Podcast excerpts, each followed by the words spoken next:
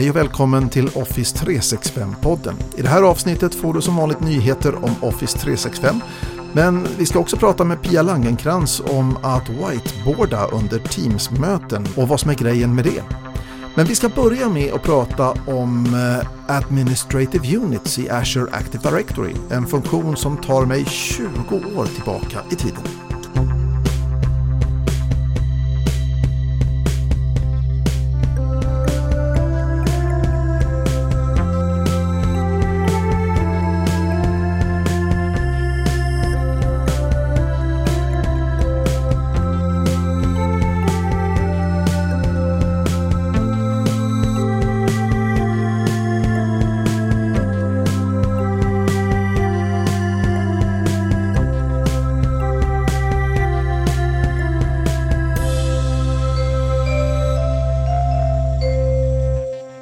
Får vi någonting som heter Administrative Units i Azure AD och det här påminner lite grann om Organizational Units i Windows Server AD eller det som heter Active Directory Domain Services. Har du hållit på någonting med sånt, Pia? Alltså på en konceptuell nivå så förstår jag exakt vad du pratar om. Um, men jag, ju, jag, har ju inte varit så mycket inne i Active Directory. Mer, jag brukar säga till mina kunder att jag, jag, jag är certifierad för Exchange eh, och har tillräckligt med kunskap för att vara direkt livsfarlig. Eh, men när du berättade om det här mm. så blev jag ju väldigt nöjd för det är någonting som verkligen har, som jag har haft ett behov av när jag bygger mina SharePoint-strukturer och informationsarkitektur. Mm. Eh, men ja, för, för det, det, där är ju hela den här gråzonen som vad är det mellan on-prem och online. Och, och det här är ju en väldigt efterlängtad sak som har funnits i on-prem väldigt länge. Precis. Jag, jag, kan berätta lite grann om den då. Eh, vad som är hela poängen med en sån här uh, administrative unit, det är ju egentligen ett trix lite grann då. Eh, det gör att vi kan delegera behörigheter på tvären. Eh, det, är in, det är inte OU, eh, alltså organizational units, men det åstadkommer liknande saker. Det gör att vi kan skapa regionala eller organisationella strukturer när det gäller administrationen av Azure Radio och Office 365. Eh, och för att liksom klura ut vad det här är och hur det funkar så ska vi nu ta oss tillbaka till 20 år sedan, 1999. Det, ja. Oh, jag känner mig ung. Ja, exakt. Då var jag en glad 30-åring typ eh, och, och, eh, sprang runt och var administratör och hade, var nybliven Microsoft Certified Trainer och sånt där. Då. Och för då kommer nämligen Microsofts, det, det började då med NT5 Beta Eh, Eh, jag tror att jag, första jag installerade var NT5 Beta 3 eller något sånt där. Då, och sen därefter så bytte den namn till vad som skulle bli då Windows 2000. Och i den här så stötte man på någonting som jag faktiskt hade sett förut. Man hade då någonting som hette Active Directory. Och Active Directory bygger på någonting som heter X500. Jag vet inte om det säger dig någonting? Nej, om jag säger nej, kommer du hålla dig emot mig då? Absolut inte. I vilket fall som helst. Det finns ju de, de, en del som har hållit på med Exchange, de, de vet att det, det fanns en, en mailstandard som hette X400 för jättelänge sedan. Och X400 var, det var liksom innan SMTP och faktum är att går vi tillbaka, långt tillbaka i Exchange så är det så att Exchange använder sig av X400 internt. Det gör den kanske inte längre, men den gjorde det från början. Eh, och ihop med den här eh, mailstandarden då, X400, så var det då någon som kom på X500 som var en katalogtjänst så vi skulle kunna hitta varandra, hitta varandras e-postadresser och sånt där. Och den här var ju tänkt då att vara en global, distribuerad, hierarkisk eh, tjänst. Då med alla e-postadresser i hela världen, typ tror jag från början var tanken det. Eh, så vad den gör då det är att den eh, organiserar användare och mailboxar och allting annat då i ett slags trädstruktur. Ett Directory Information Tree. Och den, det, blir, får man ju då den här hierarkiska strukturen då. Vi har en rot högst upp som i eh, vår Windows-domän då. Den, den, det är den som är roten då. Så om din domän heter Contoso så är det liksom det, det är roten i ditt träd. Och sen så bygger man upp en struktur under den här roten då, eh, vilket är konstigt. Eh, de här katalogtjänstträden, de är ju nämligen upp och ner, roten är högst upp, det är väldigt konstigt. Men i vilket fall som helst så bygger man upp då en slags logisk struktur där man liksom segmenterar upp det här. Och det här gjorde man för att kunna delegera administration. Så att vi skulle kunna ha en administratör som hanterar marknadsavdelningen eller Göteborgskontoret eller systerbolaget i England eller vad det nu handlar om så att säga som var i samma AD. Eh, och dessutom så hade man en annan finess med det och det var ju att man kunde associera sådana här policies, eh, grupppolicies och så vidare med de här OUna också. Ganska smidigt. För, för att ta det liksom då till den här, eh, vad är det för vad, vad är det för problem i verksamheten som man då tar hand om? Eh, bara för att ta det till de användarna som är, är, lite mer som jag, som kanske inte är jätteinne på de här. Eh, men jag, jag, blev ju väldigt glad när, när du berättade det här för mig när vi pratade om vad vi skulle prata om i den här podden. Och just då det här problemet som eh, när jag jobbar med mina väldigt stora kunder som kanske har Eh, eh, som är koncernbolag där det finns dotterbolag med sin egen IT-avdelning som har lite annorlunda liksom, krav på hur hantera deras användare.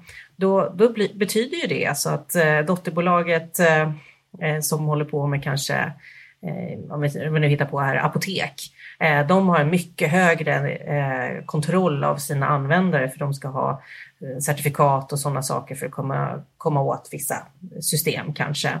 Medan då en annan del av verksamheten är mer på logistik och butiksförsäljning av någonting som inte är så himla styrt. Då kan det ha en annan IT-admin som hanterar de kontona. Precis. Och helt plötsligt så får ju liksom alla den kontroll som de behöver och allt behöver inte vara likadant. Det är just det här som är finessen ja.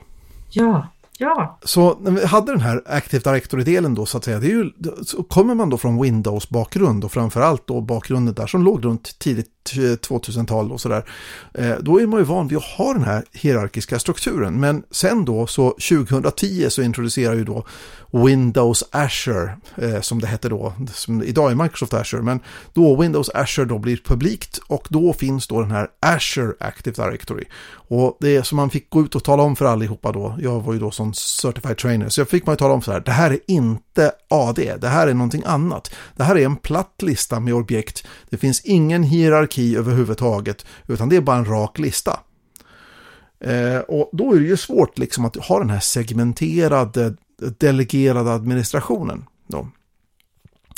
Men nu får vi i alla fall de här AU-varianterna. De kallar det ju inte ens för OU utan de kallar det för Administrative Units medan i, i, eh, i Active Directory så kallar man det för Organizational Units.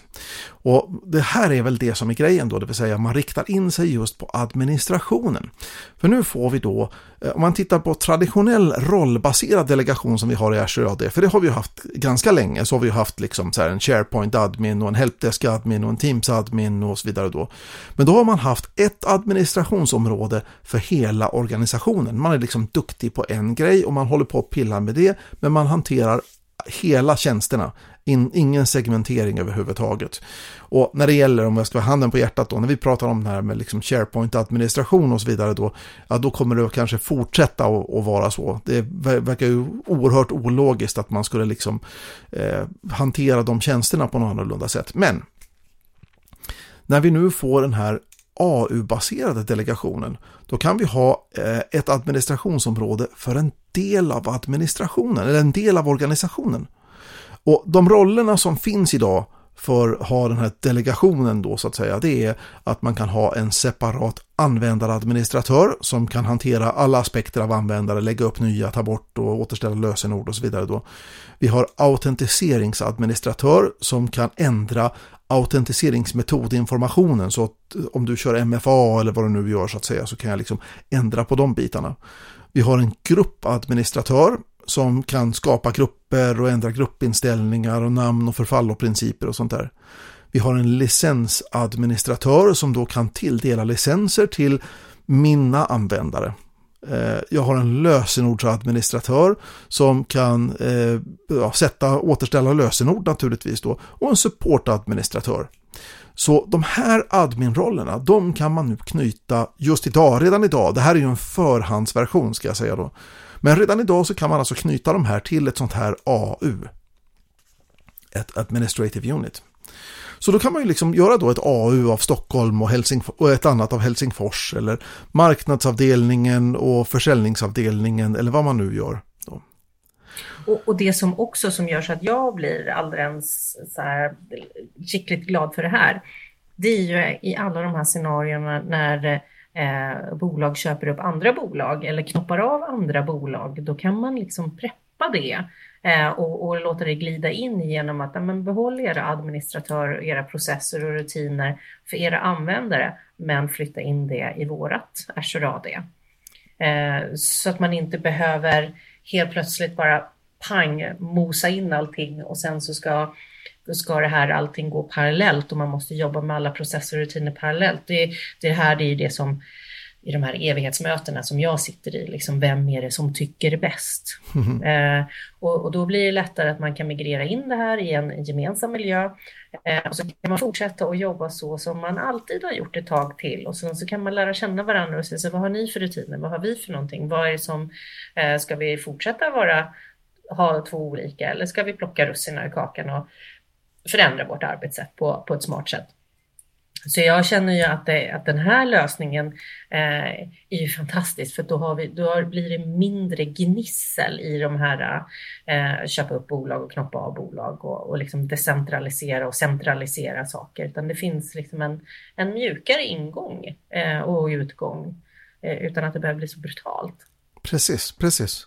Alltså jag, jag själv har ju suttit i en organisation, eh, jag var anställd på ett företag som sen blev uppköpt av en gigantisk eh, multinationell organisation eh, som har liksom 60 000 användare i sitt eh, Azure AD och sådär. Och där var ju då problemet då att all administration av användarna, precis allting flyttade då till, i det här fallet då till Frankrike. Eh, så ville man ha ett, ett återställt lösenord så var man tvungen att kontakta tekniker i Frankrike för att fixa det här. Eh, och det här är ju liksom sånt som är ganska enkelt att fixa med en sån här AU. Då kan man just ha framförallt support och enklare administration och så vidare. Den kan man ha lokal. Det är ganska praktiskt då. Och som sagt, AUn kan du börja testa redan nu. Det här är ju en, en eh, förhandsversion, vilket betyder att den är osupportad, men den fungerar alldeles utmärkt då. Och det ska komma fler sådana här roller, eh, annat än de här sex som jag räknade upp då. då. Eh, och om man vill implementera det här så kan man använda antingen PowerShell. Eh, en del av oss gillar ju att använda PowerShell, en del av oss gillar inte att använda PowerShell. Men jag till exempel, jag gillar att jobba med PowerShell. Och då måste man ha den här Azure AD Preview-modulen, måste man ha installerat. Gillar man inte att använda PowerShell, då kan man ju använda sig av Azure AD-portalen. Eh, och grafiskt bara gå in, då finns det en, om man tittar, om man går till sitt Azure AD, så finns det ett, en sån här bladen som panel då så att säga säga som heter administrativa enheter eller administrative units. Och är man riktig hardcore-människa och föredrar att skriva egna applikationer runt det här så kan man naturligtvis göra det mot graf-API. Eh, går alldeles utmärkt. Men börja testa det här tycker jag. Eh, som sagt att det är osupporterat men det funkar alldeles utmärkt. Och eh, ja, kul helt enkelt. Och eh, potentiellt mm. oerhört, oerhört praktiskt. Mycket av det här har att göra med eh, att fler och fler företag faktiskt har eh, Azure AD som sin primära eh, kontohantering. Mm. Eh, tidigare så har det ju mest varit så att företag har haft en hybrid. För stora företag har haft en on-prem lösning där man har sin, sin kontohantering. Eh, men nu när fler och fler blir liksom 100 procent i, i molnet eh, så behöver man ju ha de här lite mera avancerade funktionerna där och det, det är extremt positivt. Tidigare här i Office 365-podden har vi pratat om uppdateringskanaler för Office-paketet. Office-paketet som ingår när man prenumererar på vissa versioner av Office 365-tjänsten. Man kan eh, tala om hur ofta man vill ha uppdateringar, om man vill ha uppdateringar halvårsvis eller månadsvis eller om man kanske till och med vill ligga lite före de här månadsuppdateringarna. Och jag har ju tidigare rekommenderat att du ska flytta din organisation så att alla får månadsuppdateringar om det inte finns någon speciell anledning till att vilja ha halvårsvisa uppdateringar. Den 9 juni så byter Microsoft namn på de här kanalerna. Eh, det som eh, tidigare då har hetat Monthly Channel Targeted kommer då att heta Current Channel Preview det som då heter Monthly Channel, den som jag rekommenderar att du lägger i, kommer efter den eh, 9 juni att heta Current Channel. Eh, den som idag heter Semi-Annual Channel kommer att heta Semi-Annual Enterprise Channel och det finns då naturligtvis då en Semi-Annual Enterprise Channel Preview också. Eh, och den andra nyheten är att Microsoft nu gör, den 9 juni alltså, så gör man att nya tenants som sätts upp kommer som standard att få current channel, det vill säga månadsuppdateringar. Du som redan har Office 365 och som inte har tänkt att ändra på den här behöver inte göra ett dugg därför att du kommer att behålla dina nuvarande kanalinställningarna utöver att de byter namn då som sagt. Skulle du vilja byta så efter den 9 juni så byter du alltså då till Current Channel. I slutet av maj och början på juni så kommer en efterlängtad feature i Microsoft Teams, nämligen att antalet samtidiga videofeeds som visas i mötesfönstret ökar från fyra stycken till nio stycken. Det här rullar ut just nu under eh, den närmaste månaden alltså. Från någonstans slutet på maj i början av juni så kommer du hitta den här finessen i din Teams. Apropå Teams-möten så har vi nu fått en annan efterlängtad finess, nämligen en knapp som, vi gör, som gör att vi kan avsluta ett möte. Tidigare så har det varit så att mötet har avslutats automatiskt efter att den sista deltagaren har kopplat loss sig från mötet. Men nu kan vi alltså manuellt avsluta mötet med en knapp. Vid det här laget är det väl ingen som har missat att man kan lägga in en exotisk bakgrund bakom sitt ansikte under ett Teams-möte. Den här funktionen började ju med att man kunde göra sin bakgrund suddig i videoströmmen. Och det är precis den funktionen som nu har kommit till iOS. Där kan vi ännu inte lägga in några exotiska bakgrunder, men vi kan åtminstone sudda ut det som finns bakom oss.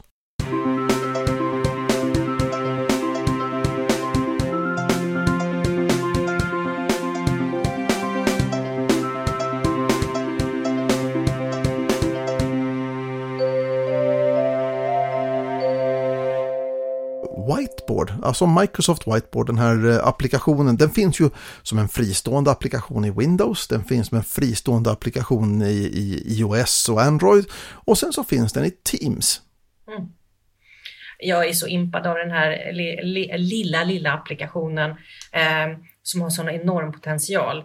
Eh, jag har eh, nyligen startat ett samarbete med Storyals, ehm, ett fantastiskt roligt företag som har en, en utbildningsplattform. Jag uppmuntrar alla att gå in och titta på storyals.com eller se och läsa mer om det, för det är halleluja. Ehm, men det ska jag inte prata mer om nu. Ehm, men där så jobbar jag med en tjej som heter Ulrika som jag är så imponerad av hur hon använder den här whiteboard. Jag hade mest sett den som en så kul grej, nästan lite så som att rita i. Eh, och jag kan, inte, jag kan inte skriva med musen, alltså det ser ut som en fyraåring. Eh, men hon har ju då gjort så himla smart så när vi sitter i en, liksom en digital workshop med eh, en kund och där det är massor, massor av folk på deras sida, liksom, det var 13 personer som var med. Då hade hon loggat in på Whiteboard-appen med sitt Office 365-konto och delat det fönstret i Teams-mötet. Så satt hon med en iPad och en penna och tog de här anteckningarna och gjorde såna här mindmaps och så skriver hon så här snyggt också så jag är så superavundsjuk, jag måste öva på det här. Det är ju det som är det jobbiga, det vill säga att tyvärr så är det ju fortfarande så att ja, din handstil, den blir inte bättre. eh, det, det, är klart, den blir bättre när du använder dig av musen, så är det ju naturligtvis då. Jag har ju en sån här Microsoft Surface Pro och en, och en penna till den. Men eh, det är ju som sagt, det, skriver man som en kratta så hjälper ju inte det så värst mycket. Ja, fast det hjälper lite grann i White, eh, Whiteboard-appen för den kan känna igen text mm eh, och göra snygg text av det. De kan liksom använda en font som ser ut som den är handskriven, men den kan omvandla. Sen får du inte skriva för mycket som en kratta, för då, då alltså skriver du som en doktor så är det ju kört vad du än håller på med. Eh, men om du skriver någorlunda ordning och reda så, så kan faktiskt den här whiteboard-appen eh, plocka upp på det. Eh, och man kan ju också göra när man gör en, eh, om man vill göra en matris och rita i saker så kan eh, Whiteboard-appen känna igen det som en, som en tabell. Eh, och så kan eh, flera då vara inne samtidigt och kasta in bilder och sådär. Alltså, ja, riktigt coolt faktiskt. Eh, och om man då också får, får leka med en sån här stor Surface Hub eh, så kan man ju stå vid den och rita på den precis som en vanlig whiteboard. Eh, och jag känner att jag nästan lite grann kanske har ett företagsbehov av att ha en sån hemma. ja, jag har känt samma sak kan jag säga. Ja, lite synd med att de kostar en hundra miljarders, nej jag vet inte vad de kostar, men det är så här fortfarande lite för dyrt. Men... De är inte gratis, det kan vi konstatera. De är inte gratis, men det är ju coolt. Eh, och sen så finns det ju massa, när man har sådana här Teamsroom också så kan du sätta upp en dedikerad kamera som är på en, en vanlig, helt analog whiteboard, men som tolkar det in i whiteboard-appen. Så det du ritar där kommer att synas på den där i den här den digitala whiteboard-appen. Eh, så nu är det så att det där känns lite sci-fi just nu för att man kanske inte har den uppsättningen. Eh, men just att bara använda eh, appen på, i en iPad och med en penna, alltså vilken, alltså jag känner så här, gud vilken eh, förbättring. Jag har ingen bra, jag vill säga sådana ord som så magiskt, men eh, nej, det är superimpad. Mm. Eh, och just då liksom att man slänger in ett Teams och visar upp det och, och sitter och skriver samtidigt och kastar in fler folk. För där är det ju, det är ju samtidigt. Så man, du kan ju dela ut den här appen, eh, din, din whiteboard, alltså som en tavla. Eh, så att, och man behöver ju inte ha Office 365-licens för det eftersom den ligger i Windows. Så att jag mm. kan ju mhm. dela ut den till, eh, från, min, från min dator till dig och så kan vi sitta och rita tillsammans. Det är häftigt. Eh, ja, kanske vi kan spela Yatzy ihop eller någonting. Sänka skepp. Sänka skepp? Ja, ja eller, så här, eller tic-tac-toe. Ja. eh, ja, men det, alltså, det, är ju det är ju oändliga möjligheter egentligen. Eh, ja, visst. Mm. För en sån enkel sak. Ja, jag är superimpad. Den ska jag leka med. Jag har tänkt så många gånger att jag ska använda den på möten. Eh, framförallt då eftersom jag har allting dessutom. Då. Jag har ju en, en, en tjusig sån Surface Pro-dator som har penna till och sånt där som jag kan sätta mig och rita med. Eh, så jag har tänkt det massor med gånger men det har liksom inte riktigt blivit av. Jag får börja öva på det först känner jag. Eh, så mm. man känner sig lite bekväm med det.